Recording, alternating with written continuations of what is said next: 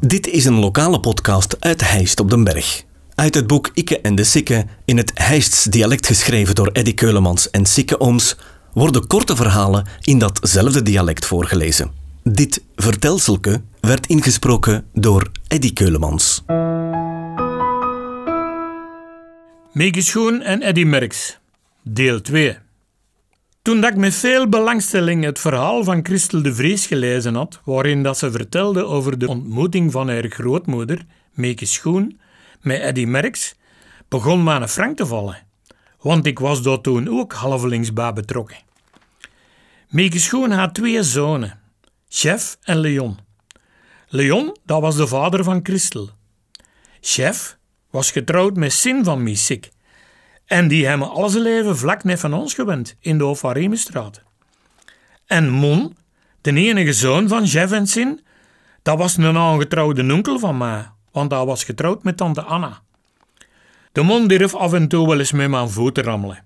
Maar toen in 78 had hem maar verteld over dat schoon kunstwerk dat Peter Bos, maar nichtjes noemden haar zo, omdat ze vlakbij het bergbos woonde, gemokt daar voor haar grootste idool Eddy Merckx.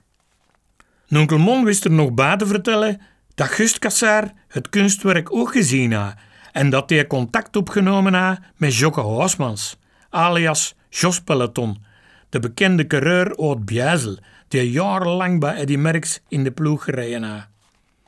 De Jocke ging dan normaal gezien meenemen om aan de af te geven.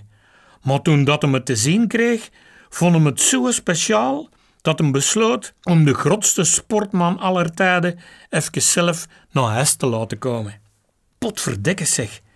Mijn tikker begon zwaar in het rood te gaan toen dat ik dat allemaal hoorde, want ik was ook zot van Eddy Merckx. De dag dat Merckx ging komen, zaten deze dan ook al uren op Varan bij Meeke Schoon te wachten met zijn kodaksken in zijn hand. Maar de uren gingen voorbij. Ik zat al bijna een halve dag en geen Merks te zien. Mieke Schoen poseerde wel in haar hof, neven het bewuste, de haar volledig zelf gebreien, gekrosteerd en gehaakt kunstwerk. Maar in de late nachtnoen ging ik met een lange lip terug naar huis.